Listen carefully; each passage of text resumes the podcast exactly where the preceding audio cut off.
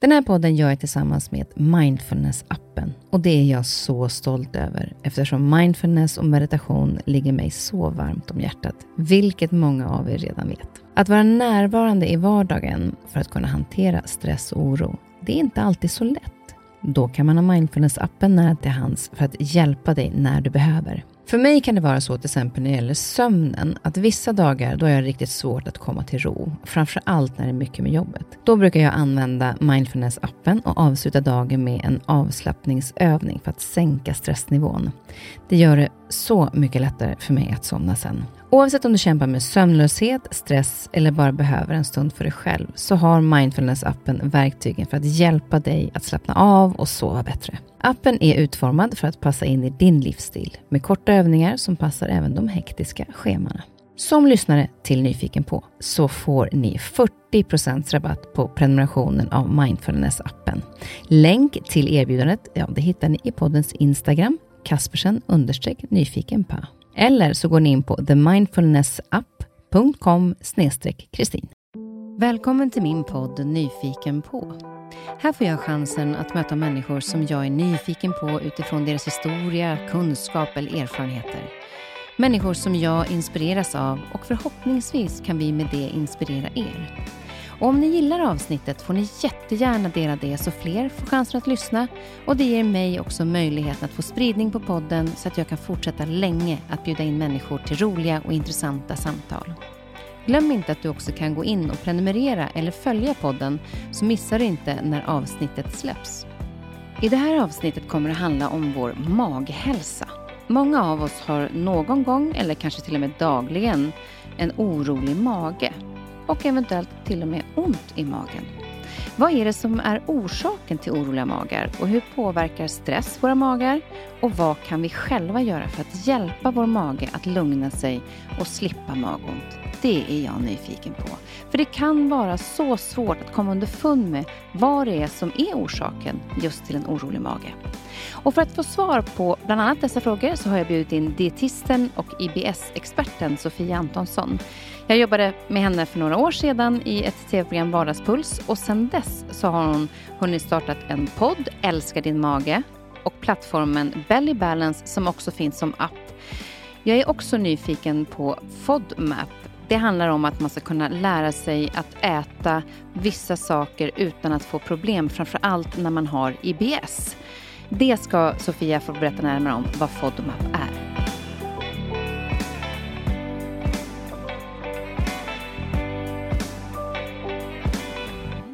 kaffet är på plats. Aha. Så får jag äta nötter och raw ja, food sen. det också. Utan jordnötter, för då dör jag. Precis. Ja, den är stängd där. Det, det var Janne Andersson, han älskar jordnötter. Ja. Och öl. När han är liksom okay. klar med något jobb och så, då är det jordnötter och öl som mm. gäller. Så då gjorde jag bara på att jag köpte med mig. Och då visade jag att det var precis rätt påse också, för det ska vara de där röda. Jaha. Men de har legat kvar sedan dess. Men jag ska inte öppna den. Nej då, jag, jag är faktiskt inte så allergisk. Men det är så härligt att du är här, Sofia. Välkommen! Det var ett tag sedan nu. Vi jobbade ihop på Vardagspuls som gick på TV4. Mm. Eh, där du var vår eh, specialist inom ja, men dietistet. Då, inom, eh, och gav inte bara tittarna råd utan även vi som jobbade där. Kanske kom ut ett och annat kostråd. Precis, ett och annat kostråd. Mm. Det som var roligt nu när jag bjöd in dig så gick jag ut och tittade på alltså vad, vad du gör nu och vad det är. Och jag vet ju att du skriver massor med böcker och att du syns liksom i tv och sådär. Men, men också det här med Belly Balance. Den hemsidan och den appen eh, som är så fantastiskt bra. För alltså det, är ju, det är ju svårigheterna ibland när man går och handlar. Att man kan till och med där få hjälp när man handlar. Vi kommer att komma in på det närmare. Och sen också vill jag slå verkligen ett extra slag för er podd. Tack. Ja, verkligen. Älskar din mage. Mm. Eh, jag har ju lyssnat på ganska många avsnitt nu under den här veckan inför det här och slogs av att det är så härligt att kunna prata om magen på ett positivt sätt fast man pratar om sånt som är problem. Och det gör verkligen ni. Det är underhållande. Ja, men tack, vad, vad, vad, roligt att du säger det. För det är ju inte, det är inte alls vår intention att sitta och eh, göra oss roliga eller raljera över magproblem. Men däremot så tänker jag att vi måste på något vis lyfta problemen men också göra det på ett positivt sätt och liksom att det finns en lösning. Det ja, men det är precis hjälp. det ni gör. Och det, det, jag vet inte om du, ni upplever det med människor som har magproblem. Att det är lite, så här, lite pinsamt, man vill inte prata om det. Eh, man tycker att det är jobbigt när man går med gas i mage. Vad gör man då? Man kan, vågar inte liksom man går in på toaletten och släpper väder liksom, för att inte... Alltså det är någonting som man liksom tystar ner, fast det är så otroligt många som har det. Och det tycker jag gör, ni, när ni pratar om det, så blir det så här, ja men gud, det här är väl inga konstigheter att prata om. Nej men absolut, och det märker jag ju på mina då, patienter som jag kallar dem, som jag ju pratar med dagligen.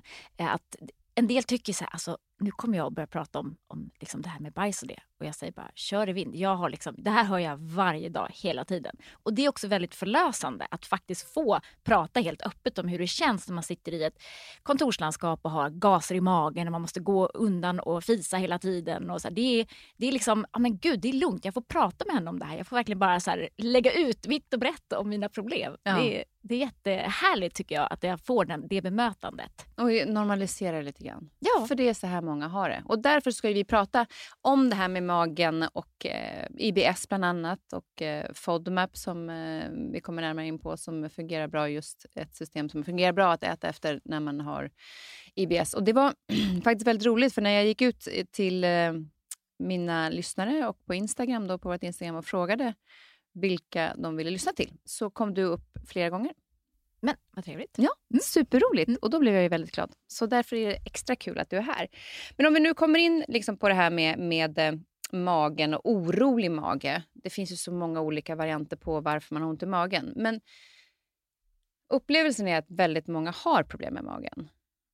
Hur, hur, kan du tänka, känna likadant lite grann?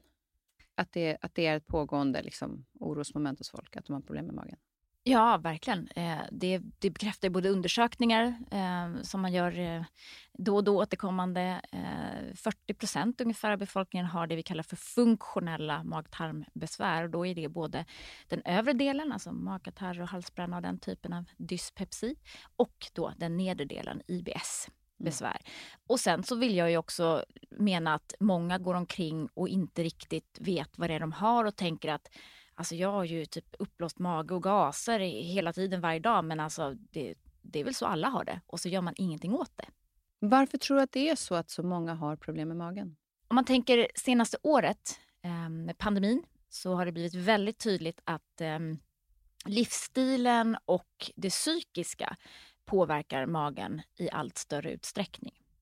Eh, stressen, eh, våra matvanor, allting har liksom kommit ihop till ja, det har blivit väldigt tydligt tycker jag att, många av dem jag möter och pratar med har blivit sämre med sina magar på grund av att man dessutom då lever i en situation som man kanske inte riktigt eh, tycker är toppenkul. Och det här stillasittandet tänker jag på, för rörelse är väl också bra för magen att magen får hjälp med att transportera och tarmarna får jobba. Men om vi sitter still så kan det också påverka? Ja, verkligen. Och framförallt tänker jag så här, hemmakontoret, man sitter som en ostkrok ja. helt ihopsjunken. Tarmarna blir helt ihoppressade. Liksom. Då blir det ännu svårare. Så att um, det här med att få hjälp och skaffa ett schysst hemmakontor nu när alla jobbar hemma, eller inte alla, men många jobbar hemma i alla fall. Det kan väl vara en sak. Och sen ut och röra på sig, definitivt. Ta den här timman på lunchen och se till att gå ut och gå en promenad. Och där upplever jag att det är ganska så här, två olika läger. Vissa är så här, ja, nu nu fick jag chansen att ta tag i det här och kontrollera mina matvanor och gå ut och träna. Medan den andra hälften är precis tvärtom. Jag är hemma, inga rutiner, jag går och äter lite här och där och träningen har totalt avstannat. Och Du pratade också om stressen. Vad är det som gör att tarmar eller magen reagerar på stress? Vad är det som händer? Ja, om jag visste det då skulle jag nog eh, eh, vara en framstående forskare, höll jag på att säga. Men vi vet inte ännu. Men helt klart är att tarmbakterierna spelar ju en stor roll. Eh, de påverkas av stress, men vi vet inte exakt hur idag. Det är liksom inte... De goda tarmbakterierna? Då? Ja, alltså alla tarmbakterier. Ja. Och, och då kan man tänka att de lite mer onda tarmbakterierna, då, om vi ska kalla dem för det, eh, kanske får överhanden. Man, man får en, en så kallad dysbios, eller en förändring i tarmfloran. Som man då har sett kan då i sig eh, ge upphov till depression. Och sen har man sett att depression kan också göra en förändrad tarmflora. Så att vad, vad som kom först här, det är lite oklart än så länge. Men den tror jag ligger bakom en, en liksom, det är i alla fall en del av att magen reagerar annorlunda. För att när man när man får en förändring och sen börjar man äta olika livsmedel, då har vi liksom inte riktigt rätt bakterieuppsättning i tarmen för att hantera de till exempel fibrer som kommer ner. Då bildas det gaser och oro, rummel, man kanske måste springa på toaletten och så vidare. Eh, och, och, begreppet liksom nervös mage eller fjärilar i magen, det är ju etablerat. Eh, ska man göra någonting som man är nervös över, då får man springa och tömma tarmen. Precis. Det är sen gammalt. Mm, det är sen gammalt. Mm. men, men om man tänker då på det här med liksom tarmfloran och eh, att det... det är faktiskt bara de senaste åren som jag har förstått att om du har dålig eh, flora och balans i tarmen så kan det också ge andra sjukdomar, alltså påverka kroppen hälsomässigt på annat sätt. Vad, om man inte då tar vara på, om man känner att man har en orolig tarm och eller mage och påverkas av det och tänker så här, äh, nej men det har väl alla och så blir det nästan ett normaltillstånd. Varför är det extra viktigt att ta hand om det? Också med tanke på vilka andra sjukdomar det kan ge. Ja, man kan ju idag inte säga att alla som har den här typen av symptom, då gaser, uppblåsthet, smärta och, och avföringsrubbningar som är typiskt kopplat till IBS.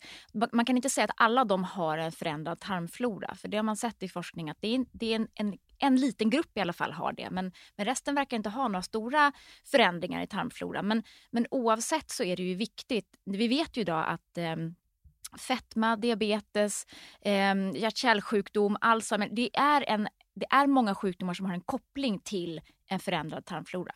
Och därför så är det, tänker jag, viktigt för alla att hålla koll på den och göra vad man kan för att stötta upp den redan när man är frisk så gäller det att förebygga. Och det är det som är liksom, kanske det är lite utmaningen här, det svåra. Att motivera sig själv till att, att göra förändringar för, liksom, inför framtiden. Mm. Men jag skulle säga att tarmfloran är ju ändå ett organ som är väldigt, liksom, eller väldigt dåligt undersökt. Det är senaste kanske fem åren som man verkligen bara har förstått att wow, det här, här har vi liksom en, en svart låda. Vi vet ingenting om det här. Vad händer här inne? Eh, och det är det man håller på att forska så väldigt flitigt om just nu. Eh, så att än så länge så vet vi inte så mycket. Eh, men vi kan säga att det här med fibrer till exempel, alltså frukt, grönsaker, bär, nötter, frön och så vidare. Det är ju någonting som gör att vi i alla fall kan tillgodose bakterierna i tarmen på, på ett bra sätt och få dem att liksom växa till och då ökar också sannolikheten för att vi inte kommer drabbas av olika sjukdomar på sikt. Mm. Men, men hur, vet man, hur, hur kan man veta ungefär att det här beror nog på att jag har en obalans i tarmfloran? Finns det några symptom som, som man kan liksom testa sig fram lite grann just när det gäller tarmfloran? Alltså, egentligen, så, det, det enda som är klockrent skulle jag vilja säga, det är när man äter antibiotika till exempel och sen får man diarré. Då är det liksom så här, då har man fått en obalans, för då kallar man det för antibiotika-associerad diarré. För antibiotikan dödar de här bakterierna som också är bra? Exakt, mm. den slår ut egentligen hela tarmfloran. Eh, där vet man säkert, eh, och det är många som upp, upplever det naturligtvis. Men det går, det går egentligen inte att säga om, eh, om symptomen man upplever. Det kan ju vara trötthet, energibrist, man kanske har ont i lederna, man kanske har inflammation i kroppen. Det är ju ingen liksom, idag som liksom, klockrent kan sätta det i samband med att ah, din tarmflora är förändrad. Och vad är en normal tarmflora då? Eller optimal tarmflora egentligen ska vi säga. Ja, den kanske är olika för dig och mig. Ja, just det vi vet ju inte det här. Nej. Men det som är intressant, som du tycker jag nu när du säger, det är ju inte att när jag frågade om symptomen, då sa du inte ont i magen. Utan du sa ju massor med andra saker som blir en följdeffekt. Alltså lederna, trötthet. Så det är svårt för en själv att koppla det till magen. Absolut. Så därför kanske då är det viktigt att man försöker hålla den här bra kost generellt. Och om man då tänker så här, om man nu vill testa det och känna så här, det kanske beror på att jag äter för lite vem säger, frukt och grönsaker och fibrer och sånt. Hur lång tid ungefär ska man testa för att se så att man börjar komma tillbaka? Eller man kanske ska äta så hela tiden. Kanske. Ja, men alltså, det är ju ändå det jag strävar mm. efter. I, även om jag är dietist brukar jag säga då, så håller inte jag på med dieter. Utan jag tänker så här, hur ska du hitta ett sätt att äta på lång sikt? Det är inte så att vi kör igång på måndag och på onsdag så kastar man in handduken för det där blev eh, skittråkigt och liksom jobbigt. Utan det här är ett, ett långsiktigt arbete att steg för steg ändra lite granna mot liksom, den hälsosammare matvanorna. Mm. Och då tänker jag att, att hitta ett sätt som känns okej okay och ett incitament, det är ju det som är grejen. Att eh, har man liksom äpplet eller kanelbullen, vad väljer man? Och då tänker man kanske med, med sin, eh, sin hjärna och sitt sötsug så väljer man liksom den här kanelbullen för att döva någonting. Det kan ju vara att man har en känsla, ofta så är det ju så, vi äter, med våra, äter våra känslor. Men egentligen så kan man tänka att vill man vara snäll mot sin kropp och ge den vad den verkligen behöver, vad alla som arbetar nere i kroppen står och bara väntar på, så är det ju äpplet. För där finns det energi, energi men framförallt då näring, vitaminer, mineraler, kostfibrer. Och det är ju det som kroppen behöver. Så och det för, finns som... ju det sockret som faktiskt kroppen egentligen alltså man, som den skriker lite efter om man är trött till exempel, så får du ju i dig den där kicken ändå, men du får massor med andra saker. Jag hade Kristina Andersson här som har varit och pratat om, om, och då sa hon det att socker är inte problemet i sig, utan det är innehållet runt omkring sockret. Mm. Alltså dricker du en läsk, så är, vad är det för mer sunt innehåll i den? Nada.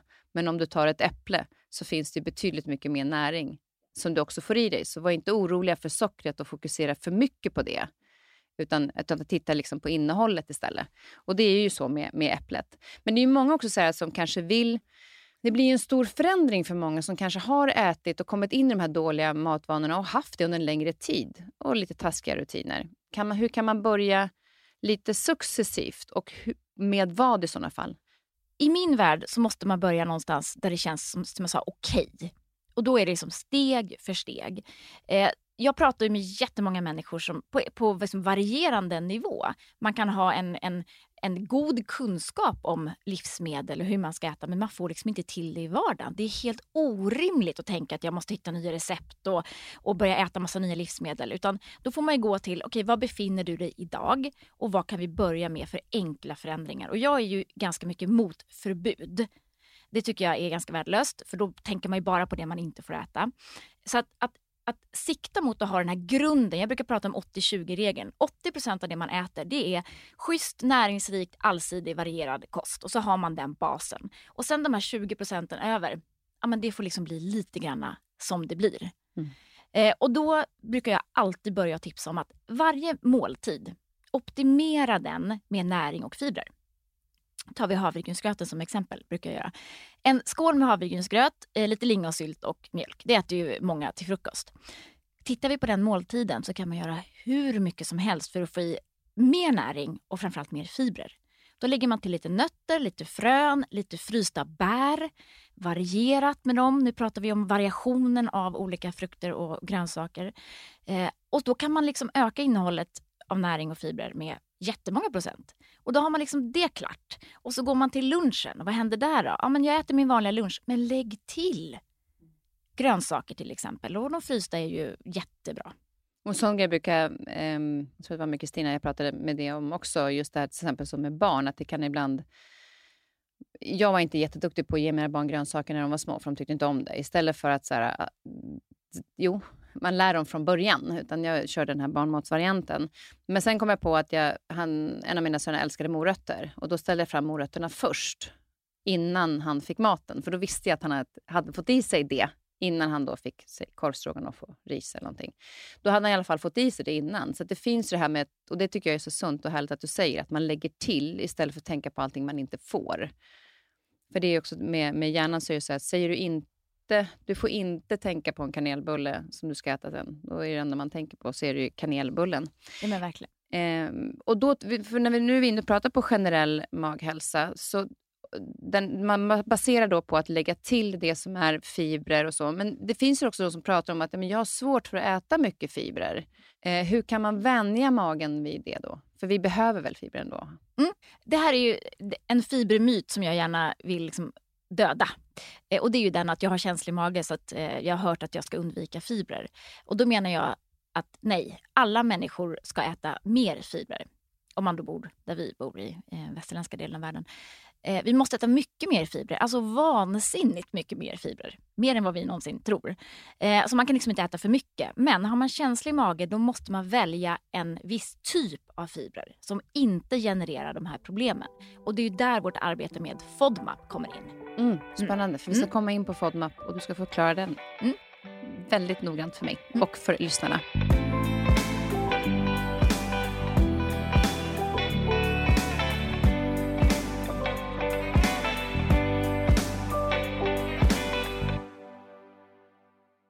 När det gäller eh, någonting man ska tänka på när det gäller den generella eh, maghälsan. Finns det, vilka är, nu, nu säger jag no-no så det är ju egentligen inte förbud, men som man kan vara observant på.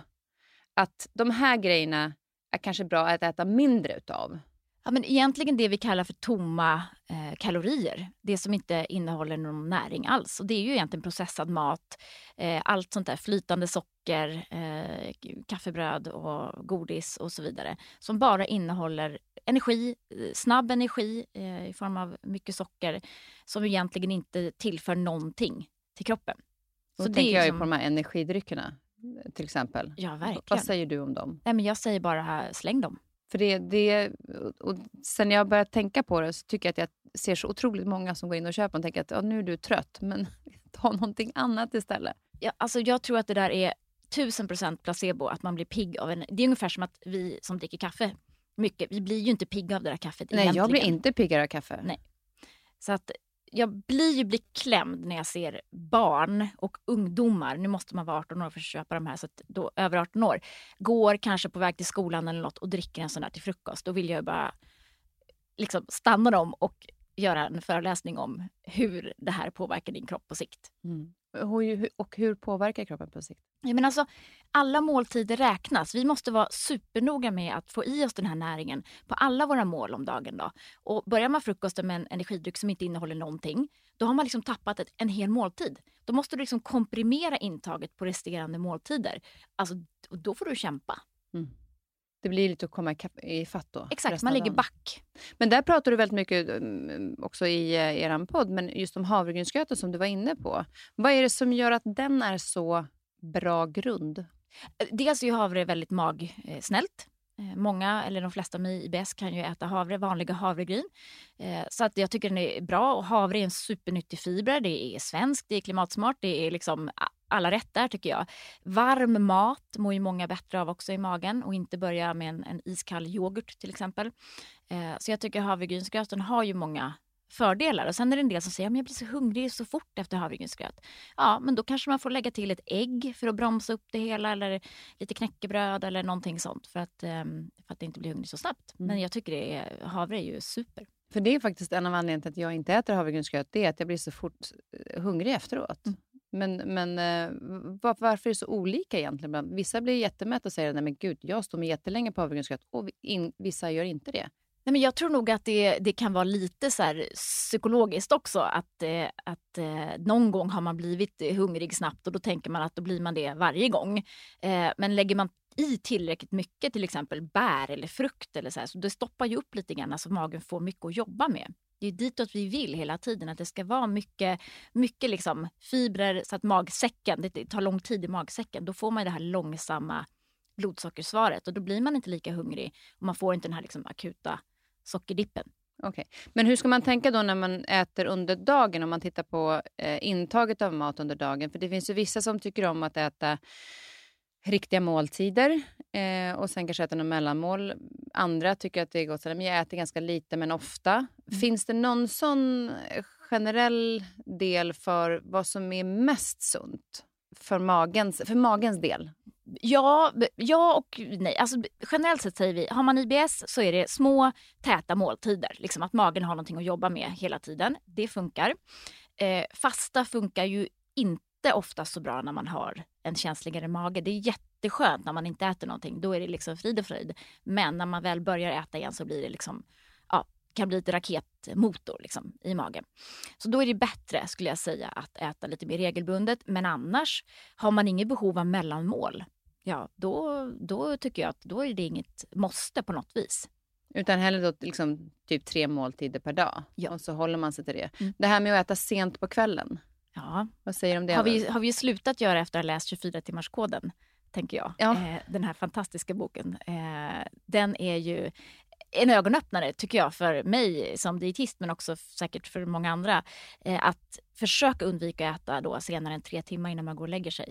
Det gör ju underverk för Mm. framförallt sömnen. Vad är det som sker då? då? Vad vad är det som gör att det, inte, att det är bra att sluta tre timmar innan man går och lägger sig? Ja, men alltså, så fort du äter någonting litet, även om det är liksom bara en, en frukt på kvällen, så drar kroppens alla systemorgan igång.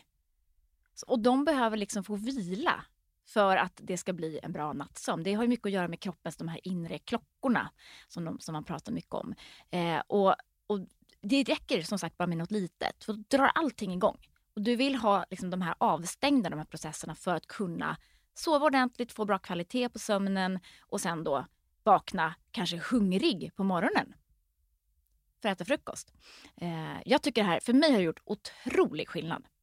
Vad spännande. Jag Mm. har faktiskt den boken hemma och har inte hunnit eh, ta tag i den än. Eh, men, men nu blir jag ju eh, supernyfiken. Ja, den är f- 24 alltså, timmars fantastisk. Mm, 24 timmars koden. Spännande. Mm. Eh, jag hade, har haft magproblem sedan jag var 15 år. Eh, var in och ut på sjukhuset och fick, sån här, jag fick dricka Novalucol i kopp. Mm. Eh, och då, de höll på ganska länge och, och sa, kallade då för kolon irritabel, trodde de det var, vilket då tydligen är IBS. Eh, nu har jag inte de symptomen nu, men när jag, först när jag var 35 så upptäckte de, tog de en eh, laktostest på mig och det visade att jag var laktosintolerant. Så det tog 20 år innan de gjorde den testen. Men det de sa väldigt många gånger är så här, ta bort det du inte mår bra av. Men hur ska jag veta vad jag inte mår bra av? Alltså det är ju supersvårt. Mm. Hur ska man tänka? Är det, är det vanligt att det sägs så? Verkligen. Det är väl kanske det, liksom det vanligaste. Men försök att, att skriva upp lite och så, här, och så undviker du det som du, som du får symptom av. Och det brukar jag säga, det är det sämsta rådet man kan ge till en person med magproblem. För att det här systemet är så komplext. Det tar 12, kanske 18 timmar innan det vi har ätit kommer ner till tjocktarmen. Och det är primärt där som IBS-symptomen liksom kommer ifrån. Så man måste börja felsöka liksom bakåt i tiden. Mm. Och det är ju inte någon som känner till det, för det är ju ingen som informerar om på det här läkarbesöket, ofta i alla fall. Så att eh, nej, det är inget bra. Och dessutom så är det så att ska man ha liksom, hjälp med sina magbesvär så är det så att då är det en dietist man ska gå till. Det är inte sin läkare. De är duktiga på att ställa andra diagnoser och, och komma fram till att ja, men det är IBS du har. Men där tror jag vi slutar med kostråden faktiskt. Och så kan man hänvisa vidare till en dietist, för det är vi som är experterna på det här. Men det har ju varit, innan man har kommit fram till IBS, jag, tyck, jag har upplevt lite grann som då för min egen del var så här, men de hittade ingenting, så då sa de att ja, men det är nog kolon, kolon irritabel som de kallar det för då. Det är nog. Mm. Eh, men är det så att man kan inte se det på tarmen, för jag gjorde ändå så här gastroskopi och tunntarmsröntgen och så, men, men kan man inte se det så lätt IBS i tarmarna? Det, det går inte att ta några prov, några blodprover eller göra några undersökningar för att påvisa IBS. Det är en uteslutningsdiagnos. Det vill säga när man har tagit prover för laktosintolerans, glutenintolerans, man kanske har gjort en gastroskopi, koloskopi, det vill säga eh, kameraundersökning av tjocktarmen. Eh, någon röntgen kanske ibland också. Man, ibland går man ju på med hela artilleriet eh, och, och då kan jag ju tycka ibland att det blir lite, lite väl mycket. Och ändå kanske i slutändan så säger läkaren ja, men det kanske kan vara IBS då. Då är man inte så nöjd som patient kanske när man har genomgått alla undersökningar, kanske är orolig. Då vill man ju ha ja eller nej på något vis. Så att eh, ja, det, det, det är på det viset är en, en, svår, en svårställd diagnos. ehm, för att det kan gå, det kan ta lång tid eh, och så kanske man inte får tillräckliga råd och Mm. rätt hjälp. Och vad är IBS, om vi ska komma in på det? Alltså IBS är ju en funktionell mag-tarmsjukdom, det vill säga det är en funktionsstörning i tarmen. Så att man har inga antikroppar, man kan inte ta några blodprover, ingenting sånt. Utan det är bara någon, någonting i tarmen som inte riktigt funkar som den ska, men den är fin. Det ser fint ut, är det så här motoriken då som Ja. inte fungerar som den ska? bland annat. Mm. Mm. Bland annat, vad mer är det som inte fungerar? Ja, alltså man, det, det finns ju då en ganska väletablerad teori kring det här med att, att tarmen kommunicerar med vår hjärna och hjärnan dessutom med tarmen. Men, men det mesta av informationen kommer ju från tarmen upp till hjärnan. Och då har man en, en liten man tolkar helt enkelt inte informationen från tarmen riktigt korrekt. Så att eh, vi får upp då, vi, vi som har IBS får upp mycket mer information från tarmen för att vi har många fler nervändar ner i tarmen. Och dessutom då så har vi ett, ett filter mellan tarmen och hjärnan som kanske är lite urglesat så de här liksom, signalerna bara kommer hela, hela tiden. Då känner man av sin mage mycket mer. Vi känner av vad som händer nere i magen hela tiden. Mycket känsligare. Ehm, det finns ju några undersökningar blåst upp en, en ballong i ändtarmen på en person som har IBS kontra en person som inte har det. Och personen som har IBS säger ju aj mycket tidigare. Man är mycket känsligare för utvidgning av tarmen. Så en ökad smärtkänslighet pratar man ju om ibland också. Och är det det som gör då när maten och fibrer och allt det här som kommer ner i magen det är därför det på, gör ont lättare då på de som har IBS, ja. för att tarmen vidgar sig. Vad är det för typ av mat som den som har IBS kan tänka på att äta då? Ja, vi brukar ju prata om eh, fermenterbarhet när vi pratar mat och IBS. Och fermentering är ju en sorts jäsning. Så att de kolhydrater i kosten som har den här potentialen att jäsa i tarmen, det är de som vi kallar för FODMAPs. Mm. Så har man liksom ja, hittat ett system att klassa de här olika kolhydraterna. Eh, och när en sån kommer ner i tarmen så ser man att då blir det liksom jäsningsfest bland bakterierna. De mumsar på det där och så produceras det gaser vilket i sig då eh, påverkar tarmen. Den expanderar, det gör ont, man blir bubblig, man får liksom problem. Eh, och dessutom så kan det påverka vätskebalansen och det är där avföringsrubbningarna kommer in. På varför påverkar det vätskebalansen? Jo, därför att de här molekylerna då, som är jäsningsbara de har en förmåga att dra ner vätska i tarmen eller göra så att vätska går ur tarmen. Och då får man det här diarré, förstoppning eller den här omväxlande avföringen hela tiden. Ah, det blir ingen kontinuitet i det? Nej. Så det kan också vara en tanke om man är osäker på vad det är för någonting man har, så kan det vara en sån grej som man kan hålla utkik efter i kombination med allt det andra du pratar om. Men ja. att, så, så ska det ju inte vara. Nej. Det är egentligen så man klassar IBS också. Som diarrédominerad, förstoppningsdominerad eller som omväxlande avföring. Så det är ju någon typ av avföringsrubbning ska man ha för att klassas som IBS. Mm. Mm. Och när, när man, vi var inne nu på det här med FODMAP. Eh, berätta vad det är för någonting. FODMAP är ju en evidensbaserad eh, kostbehandling som man då uppfann eller forskade fram i Australien. Eh, 2005 började studier på FODMAP komma ut. Det var en dietist och en läkare där som kom på att vissa molekyler kan vi då klassa som fermenterbara. När de kommer ner i tarmen så genererar de gaser, problem, vätskebalansrubbningar och så vidare. Och när man då plockar bort de här molekylerna hos personer med IBS så blir då dramatiskt många mycket bättre. Och det var över 75 procent som blev bättre. Oj, det är mycket. Ja, det är mycket och framförallt så är det mycket som, om man tänker så här, bara fnutt fnutt en kostbehandling. Det är ju jättehäftigt tycker mm. jag. Som dietist vill man ju gärna lösa grejer med kosten först och främst. Ja, men verkligen. Mm. Och, och hur, vilka då eh, molekyler är de här olika kolhydraterna som det handlar om? Ja, det är fyra kategorier och det är då fruktos eller fruktsocker som ju finns i ja, de flesta frukterna.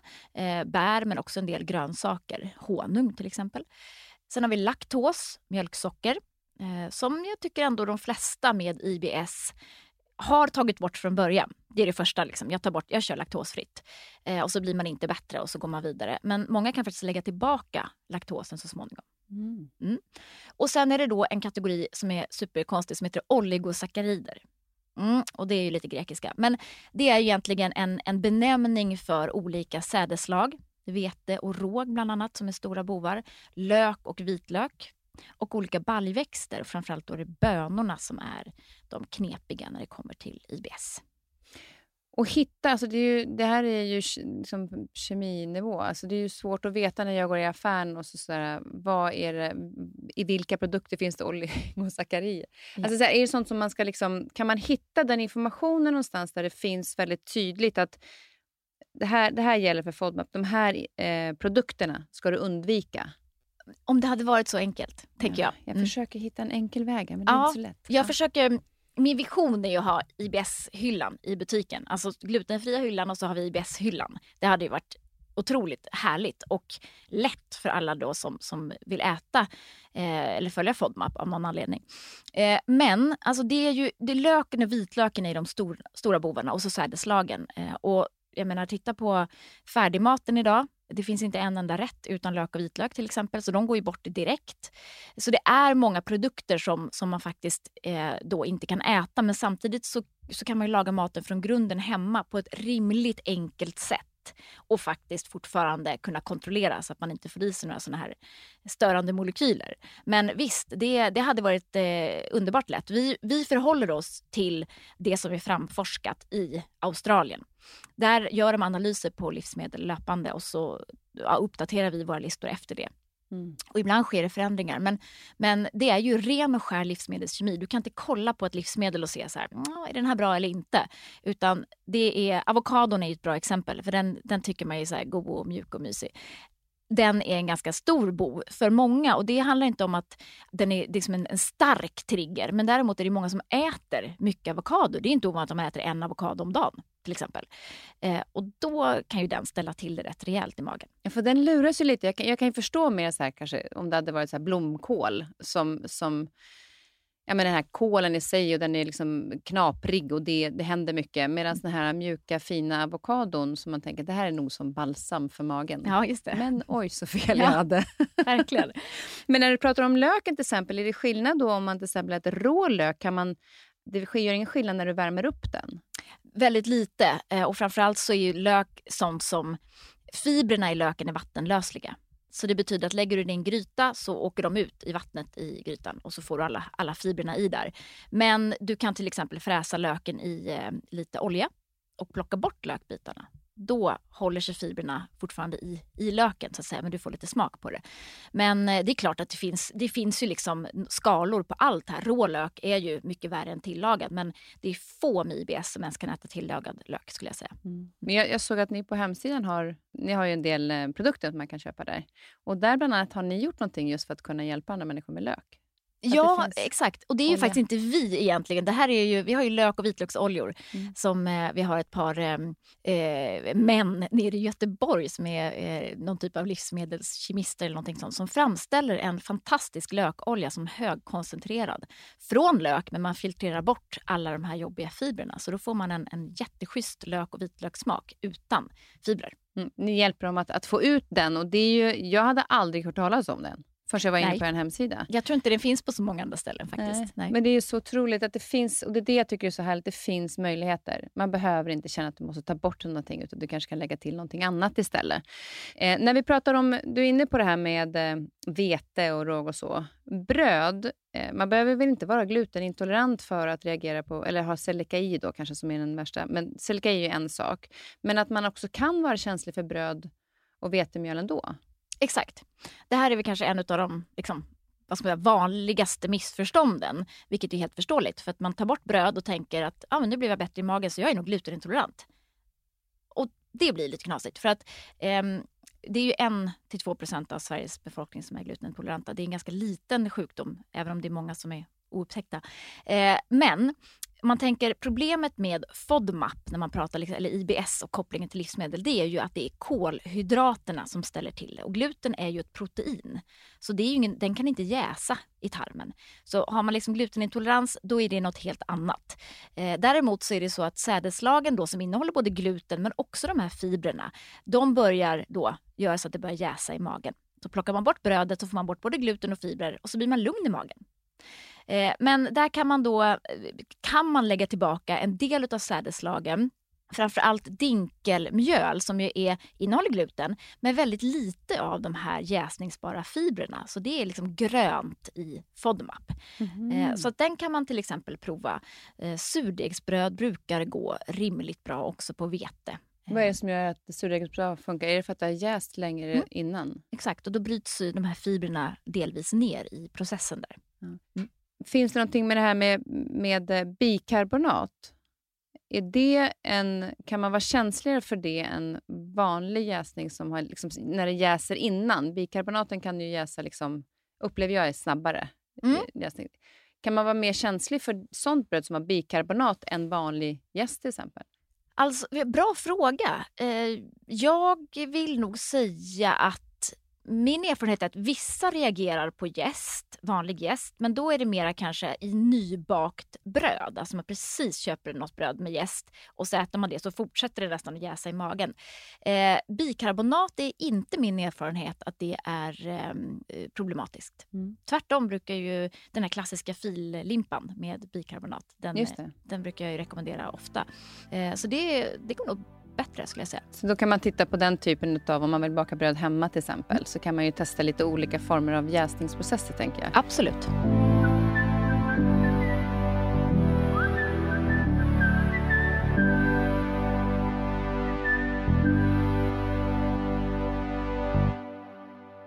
Den här um, appen ni har, eh, där kan man skanna av va? Mm. Ja, jag har inte testat den, jag har bara sett att det går. Precis. Hur, hur går det till? För det är ju en otroligt fint hjälpmedel för de som har det här problemet när man går och handlar. Ja, men precis. När man börjar med FODMAP så är det ju lite sådär, okej, okay, vad, vad, kan jag egentligen äta? Man fattar kanske inte riktigt vad det är man håller på med och så är det många konstiga ord. Eh, och då har vi gjort en, en streckkodsläsare kan man säga som läser av innehållet på produkterna och så talar den om då i appen om det är rött eller grönt att äta. Mm. Mm. Så att, eh, det är egentligen en, en, en tolkning som vi gör däremellan. Så det är egentligen min, min hjärna ja. som har tolkat grejerna och sen så får den en, en färg i appen. Mm. Men, men finns det saker som, som kanske är rött i eran men som jag ändå kan klara av fast jag har IBS? Ja, det, det, här är en bra fråga för det är en väldigt vanlig, eh, eh ja, en vanlig missuppfattning skulle jag säga också. Men, men jag förstår ju att den, att den finns där. Att ja, men Det är så individuellt det här med IBS och vad man kan äta. Och jag vill ju hävda att ja, men alltså, så individuellt är det faktiskt inte. Och då menar jag ju framförallt lök, vitlök, sädeslagen. Det är nästan detsamma för alla. Även om det kan förekomma skillnader. Men med FODMAP så gör man ju det här i tre steg. Elimineringen när man äter grönmarkerat. Det är ju trafikljussystemet vi jobbar efter, grön, gul, röd. Och sen börjar man lägga tillbaka saker i, som är gulmarkerade som är lite sådär halvknepiga. Och sen då de röda. Och då kommer ju vissa på såklart att ja, men löken gick faktiskt lite bättre för mig. Vitlöken, katastrof. Den får jag undvika. Så visst finns det viss utrymme för liksom individuella variationer men det kommer på slutet i den här behandlingen. Men hur länge ska man då bara äta de gröna? Mm. Eh, hur, hur lång tid behöver man göra det innan man börjar ta in steg för steg det andra? Elimineringen kör vi fyra till sex veckor. Mm. Sen är det vissa som blir eh, klara med den efter två veckor och vissa får hålla på och kämpa i 12-16 veckor innan de får liksom, helt okej resultat. Det beror lite grann på vem man är, men, men de flesta mellan en och två månader någonstans. Så det, det, och det är inte så lång tid egentligen, utan det handlar väl bara om att ta tag i det och börja med det. Det är ganska psykologiskt det där också. Eh, att, att verkligen liksom göra den här förändringen och stå, verkligen våga stå över eh, det där frestande som man någonstans då tycker att det vore ju gott. Men också när man går på middag till exempel. Där kan det ofta vara ett problem. Hur ska man då hantera det i de här fyra till sex veckorna? Eh, när man vill ändå gå ut och ta en fika med någon kompis eller man blir, mm, förhoppningsvis snart kan vi börja umgås igen. Hur kan man tänka då inför sådana situationer? Ja, vi brukar prata om maghinken. Då kan man tänka att, att magen är som en hink. Och under elimineringsfasen så tömmer man liksom ur den här hinken helt. Då är det liksom ingenting där som kan störa magen. Och sen när man börjar lägga tillbaka livsmedel då fyller man successivt på den här igen. Och när det rinner över, då får man symptom. Och det kan man förhålla sig till då om man ska bort eller ut eller var man nu ska någonstans. Så ser man till att hålla den här hinken tom på dagen och fram tills det här tillfället. Då, då. Och då har man liksom lite mer utrymme att spela på oftast. Då kan man kanske äta något litet som är rödmarkerat utan att det blir problem. Så det handlar mest om vilket utrymme man har skapat sig själv i sin hink. Ah, så det, även om det är så att man ska äta grönmarkerat i sex veckor, säg, så, så gör det ingenting att om du har under en dag, under de här sex veckorna, varit grönmarkerad och så käkar du någonting på kvällen som är lite rödmarkerat. Så det är inte så här, återigen, inga förbud under den tiden, men Nej. till så mycket det bara går. Exakt, och det är inte förstört på något vis att du måste börja om med det här, utan då kanske du får lite, lite bubbligt i magen, ett eller två dygn. Men sen fortsätter du bara mm. igen. Vad betyder rörelse och aktivitet för, för de som har IBS? Oftast betyder rörelse för de som är förstoppade så innebär det att man får en bättre tarmtömning, att tarmen liksom jobbar lite mer fullständigt. Eh, är man om då åt det lite snabbare hållet så kan man ju snarare uppleva att oh, okej, okay, nu måste jag gå på toa mitt i träningspasset eller eh, mitt i löprundan eller vad det är. Så att det, det, det, det påverkar tarmen lite olika beroende på vilken hastighet man har på sin tarm. Sen är rörelse alltid positivt, men när man har IBS måste man anpassa intensiteten då utefter ens egen förmåga helt enkelt. Så det finns inget så att alla mår bra av högintensiv träning eller alla mår bra av yoga till exempel. Utan där får man anpassa själv, men rörelse är ju, det är alltid positivt. Mm. Jag har lite fråga här när det gäller eh, IBS. och eh, En god vän till mig och en och kollega till oss som vi jobbade med på Vardagspuls. Mm. Han har också varit gäst här i podden, Farao Groth. Han har ju pratat mycket om att han att han har IBS. Det är ingenting, inget konstigt i det att jag pratar om att han har det. Så jag ringde honom precis innan du kom och så sa jag att jag vet ju att du har pratat med Sofia tidigare, men är det någonting du funderar på kring det här med din IBS? Och då kom den här frågan. Hej Sofia, det här är Farao Groth här. Och du har ju hjälpt mig tidigare med min IBS när vi gjorde vardagspuls tillsammans. Och jag har en fråga. Jag upplever att väldigt mycket eh, sitter psykiskt. Jag själv till exempel har verkligen tydliga go-tos när jag är jätteorolig att jag ska få ont i magen. Om jag ska åka taxi långt eller om jag ska åka buss långt eller sådär och det inte finns en toalett i närheten. Vad kan man tänka på när det gäller de här sakerna som triggar en psyke, alltså de här sakerna som man är extra orolig för. Har du tips på vad man kan tänka på då? Så det handlar ju också om det här med det psykiska. Hur mycket påverkar det tror du? Jättemycket. Eh, men jag vill verkligen vara tydlig med att säga att IBS sitter inte i huvudet. Det är ju många som får höra det. Eh, och framförallt kanske för lite ja, längre bak i tiden att man upplevde att amen, de här patienterna med, med IBS, det, liksom, det sitter i huvudet. Um, det gör det inte, men däremot så påverkas ju magen jättemycket av det psykiska. Det här med nervösmagen som vi var inne på. Ja, men då vill man gärna gå på toaletten. Och det är klart, är man uppvarvad inför en situation och man tänker att okej, okay, jag ska gå på den här bussen, jag ska sitta här länge, jag kan inte gå på toa. Då är det klart att då är det lätt att alarmsystemet går igång i kroppen och då triggar man nästan fram en, en liksom toanödighet på grund av det. Eh, så det här tycker jag är, när det gäller IBS så är det, och den typen av problem, så är det inte fel att tänka lite KBT. Det finns också KBT-terapeuter eh, som jobbar specifikt med IBS där man liksom får lära sig att hantera situationen och att det värsta inte kommer att hända. För det är ju någonstans ändå det man är rädd för naturligtvis.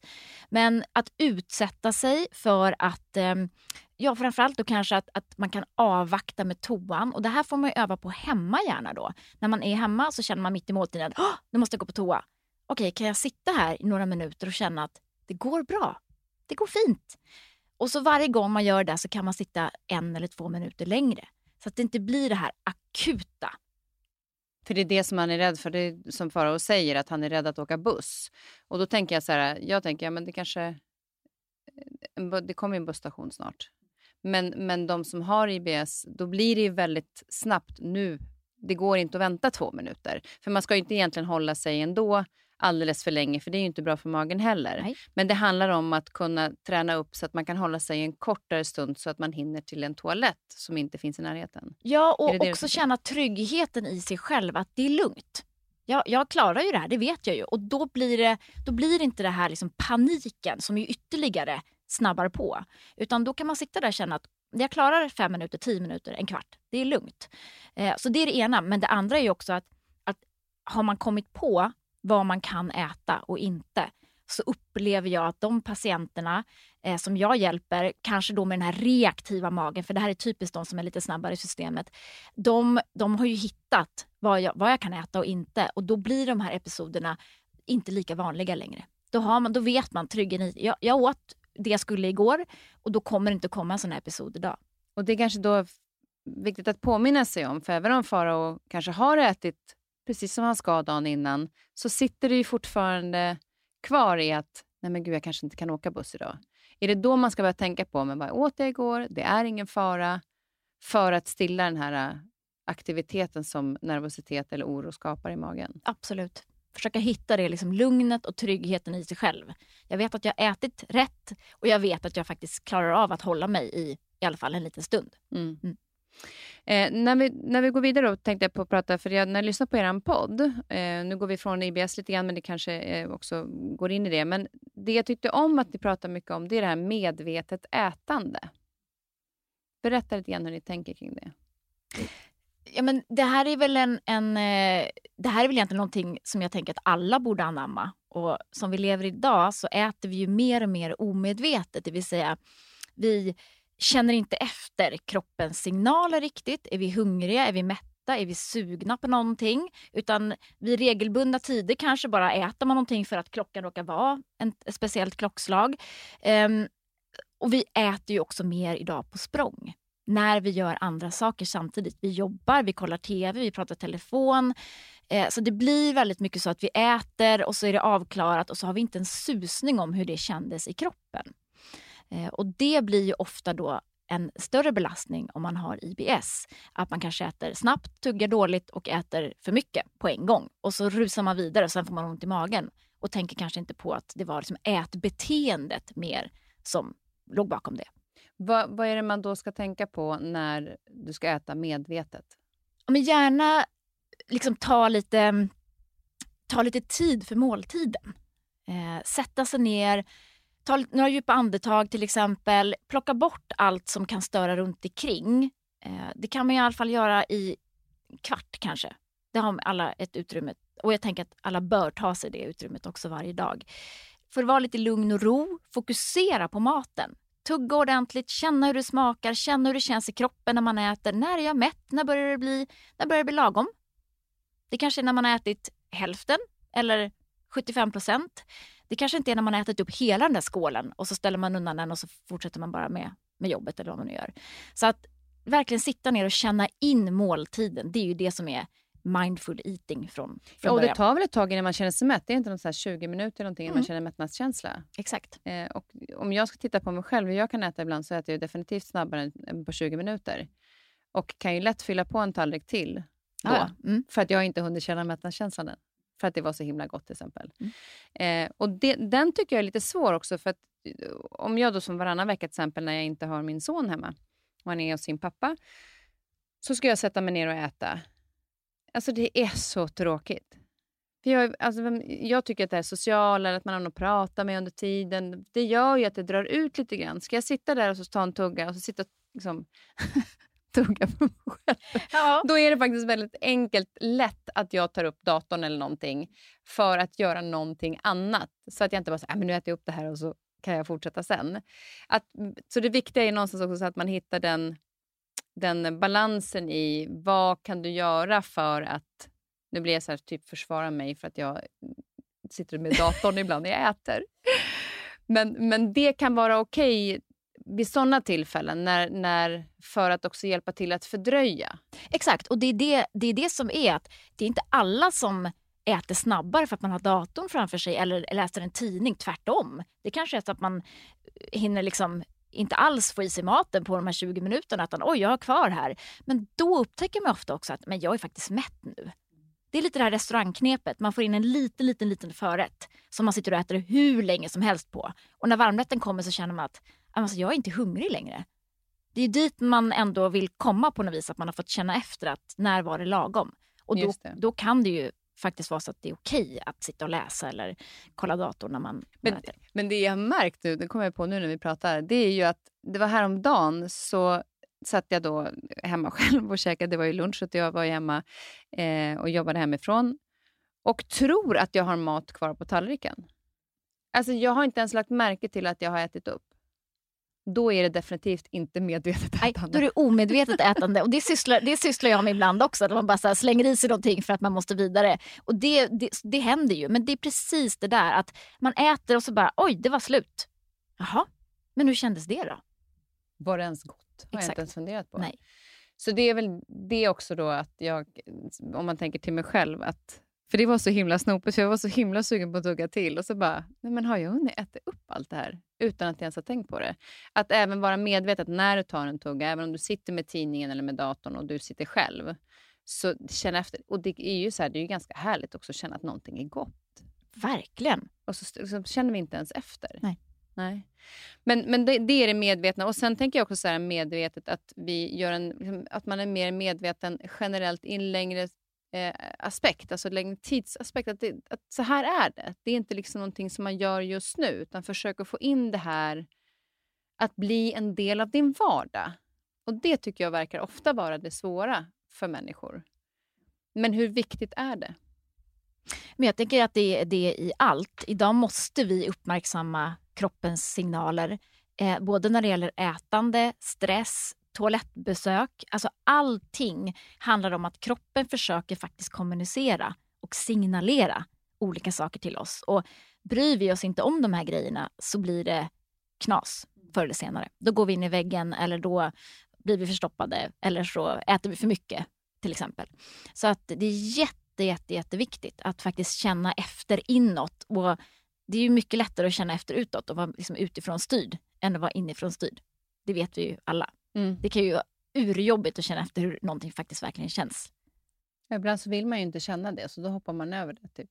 Att eh, jag har ont i magen idag igen. Ja, ja, fast det är som det är.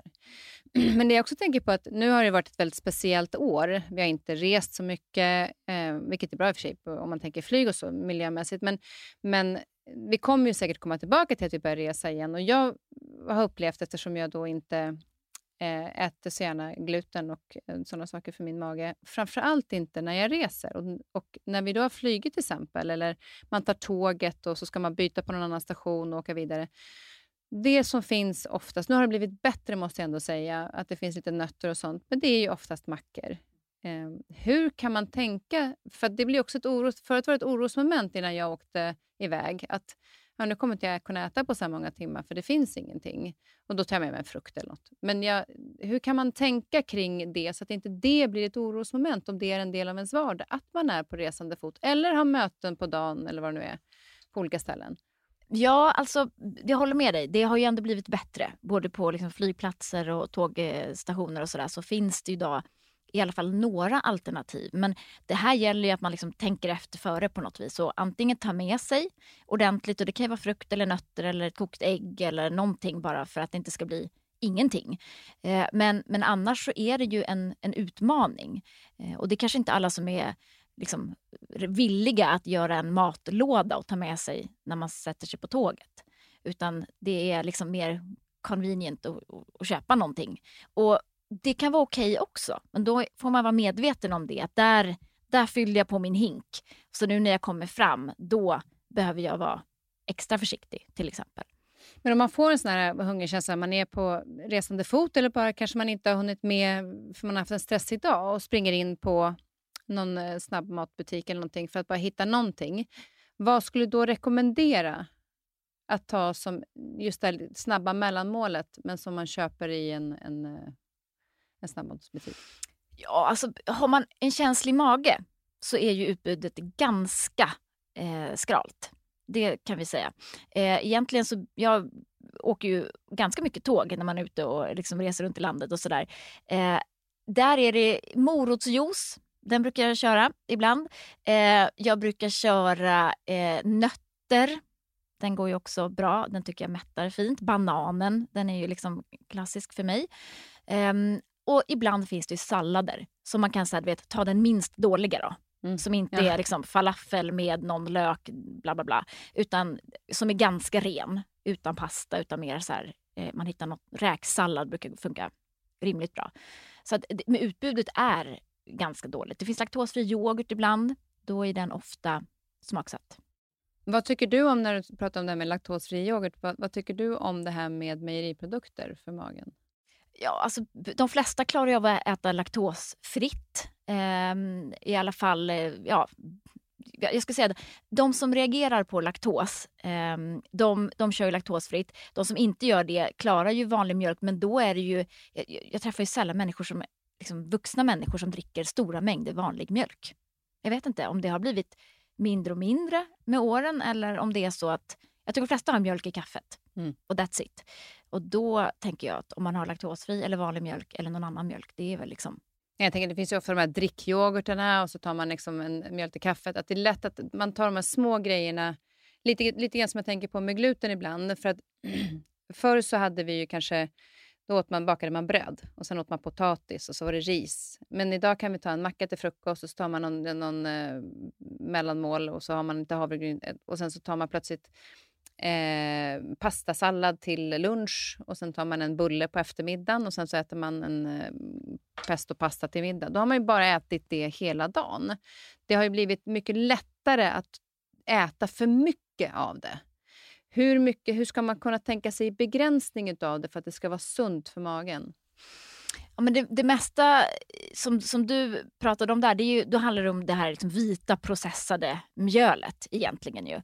Eh, och där tycker jag ju alltid att det är eh, bra att välja då surdegsbröd som jag tycker är det absolut godaste som finns. Ehm, glutenfritt bröd, knäckebröd till exempel, det är ju en bra, ett bra alternativ. Så jag, tänker, jag tänker inte att det behöver vara svart eller vitt, att man äter bara det glutenfria för, för magen. Och då är det ju återigen inte gluten som är problemet utan fibrerna. Men man kan liksom välja lite, göra lite, lite både och. Att man väljer den där surdegsmackan och sen så väljer man glutenfritt knäckebröd till exempel. Den glutenfria pastan som ju idag tycker jag är jätte jättebra. Den har blivit jättebra, ja. verkligen. Mm. Så det finns... Men när vi pratade om resandet så, så uh, lyssnade jag också på er podd. För, uh, jag vet framförallt men då när jag, man har gjort lite längre resor. Då brukade jag göra såna här bananplättar med ägg som jag tog med mig. För jag tänkte ägg mättar och så är det ändå liksom... Och det har varit um, jätte, jättebra för mig i alla fall när jag reser. Men någonting jag har märkt är ju att framförallt när man flyger, att magen, alltså vad jag, jag tycker bara att den blir ju helt upp och nervänd. Och jag kan också känna i luften av dofterna att det är fler som har det problemet på plan. Varför är det så många som drabbas av problem just när man flyger när det gäller gaser i magen?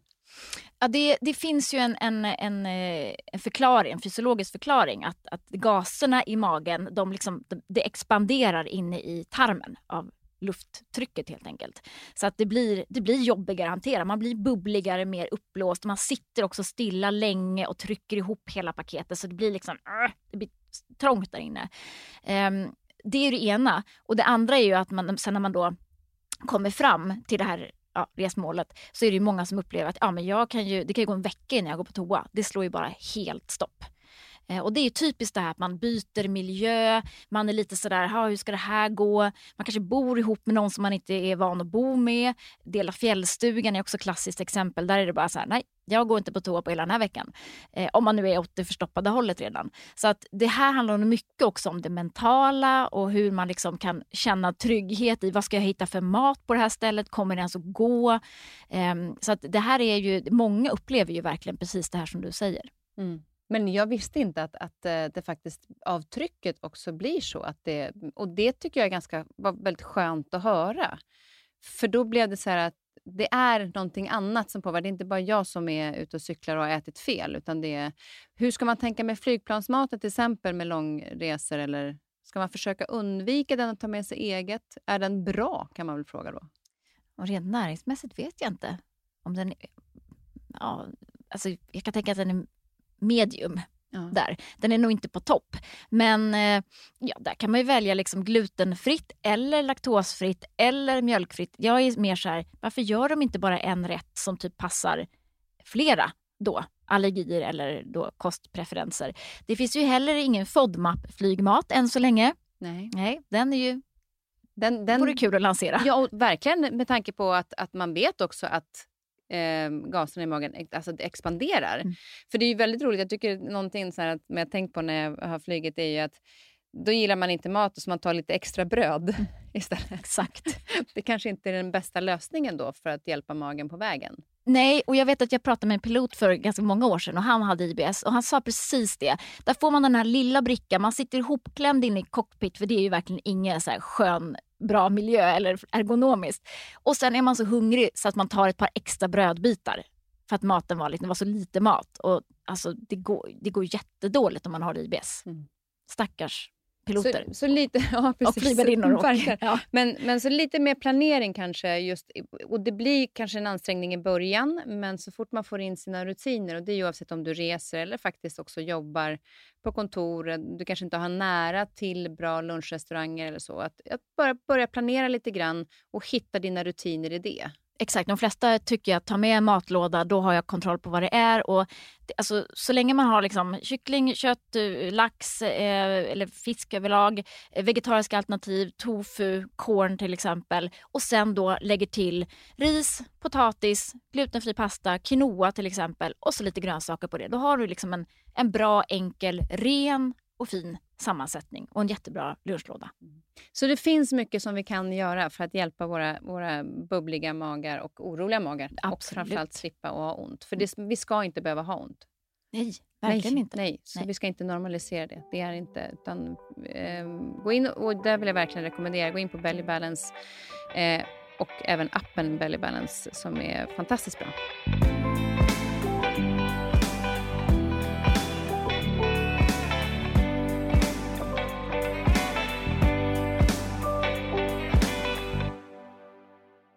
Jag tänkte höra vad du är nyfiken på. Ja, men jag är ju nyfiken på, jag är ju nyfiken på många saker. Ja, framför allt när det gäller magen, tarmen, eh, forskning, tarmbakterier. Eh, jag älskar ju alternativt, eh, alternativa metoder. Och jag är ju, jag är ju av den uppfattningen att vi vet ju, vi vet ju verkligen inte allt än så länge. Det finns så mycket inom de, den medicinska läkekonsten som vi inte har någon aning om. Eh, och därför så tycker jag att metoder som kanske ses som alternativa idag, som sågs som alternativa för tio år sedan, som man nu faktiskt till och med börjar titta på då inom eh, skolmedicinen. Eh, och vi har försök på KI tror jag bland annat, där man då eh, kör integrativ medicin och eh, skolmedicin. Man liksom bakar ihop de här två. Funktionell medicin är ju någonting som kommer jättestarkt eh, just nu i Sverige men också i världen.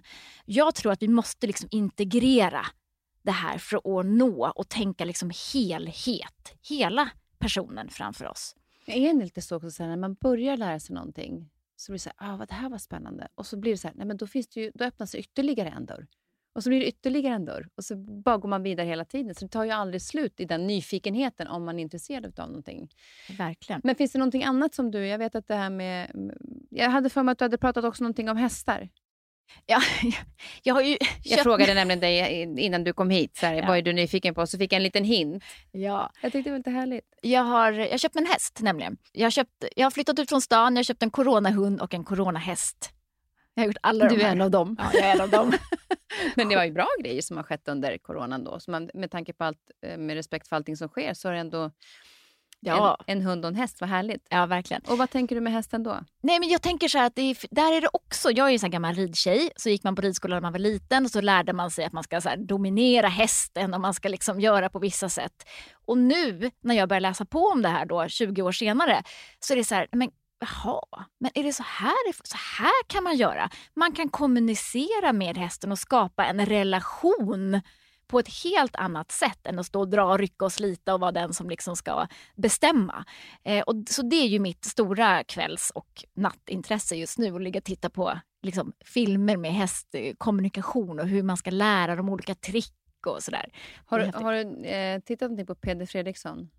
Mycket. Ja. Ja. För jag vet att jag såg ett, eh, nu kommer jag inte ihåg vilket tv-program det var i, men där han väldigt tydligt, jag bara tänkte, hur kan den här hästen läsa av honom och han läsa av hästen på det här sättet? Mm. Det var helt fantastiskt att se. Mm.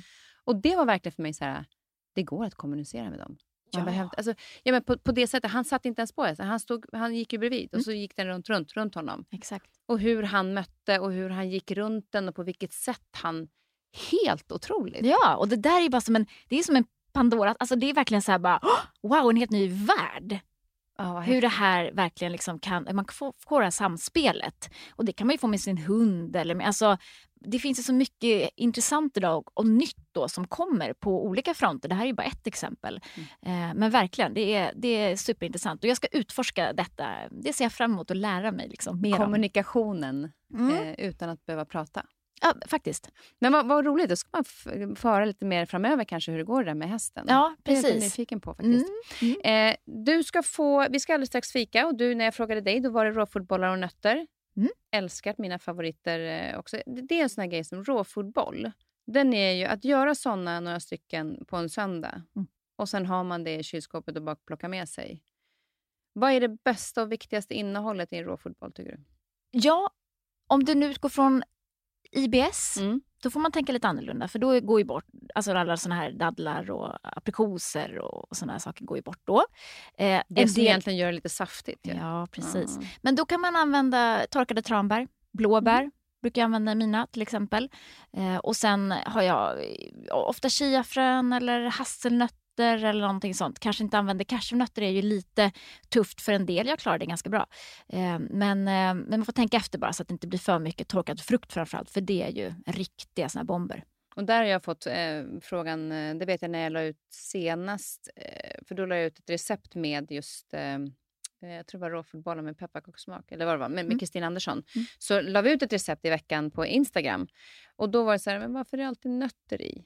För att det är så många som är nötallergiker. Precis. Hur skulle man kunna göra en råfodboll för de som är nötallergiker? Då tänker jag att man använder pumpakärnor. Mm. Det är mina favoriter. De är ju supernäringsrika. Solroskärnor kan man använda också. De är inte lika bra tycker jag.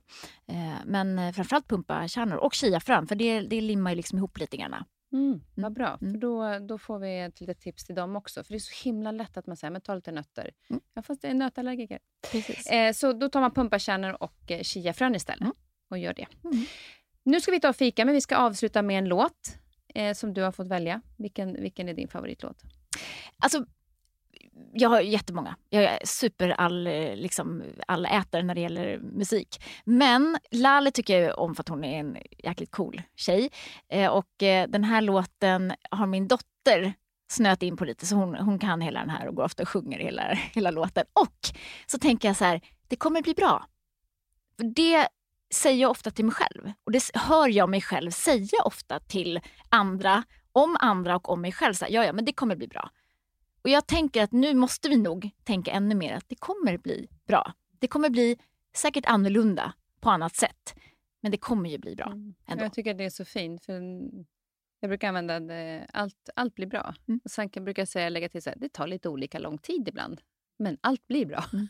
Men då ska vi lyssna på Lalle och så ska vi ta och fika lite. Och stort tack för att du kom. Jag ska försöka lägga ut lite grann på Instagram lite tips som du har gett. eh, Kanske bland annat om de här råfotbollarna och lite grann om IBS. Så kan ni gå in på Kaspersen understreck nyfikenpa. Och eh, eh, ni hittar Sofia på Belly Balance. Och sen har ni också en Instagram. Mhm. Den var också jätte, där, där är ni jättebjussiga med recept och så också såg jag. Verkligen. Det, och jag älskar det, för ibland så när man kommer så här på sådana här som då ger härliga recept, men då måste man gå vidare sen till någon. Och det jag förstår det också, att det är bra att, att få trafiken till en hemsida. Men superbjussigt av er att eh, också lägga ut lite recept. Så den rekommenderar jag också varmt. Och eh, då framförallt, lyssna. Har ni magproblem, lyssna på deras underbara podd Älskar din mage. Ah, tack. Tack snälla för att du kom. Tack själv. Jag är bara en sten i havet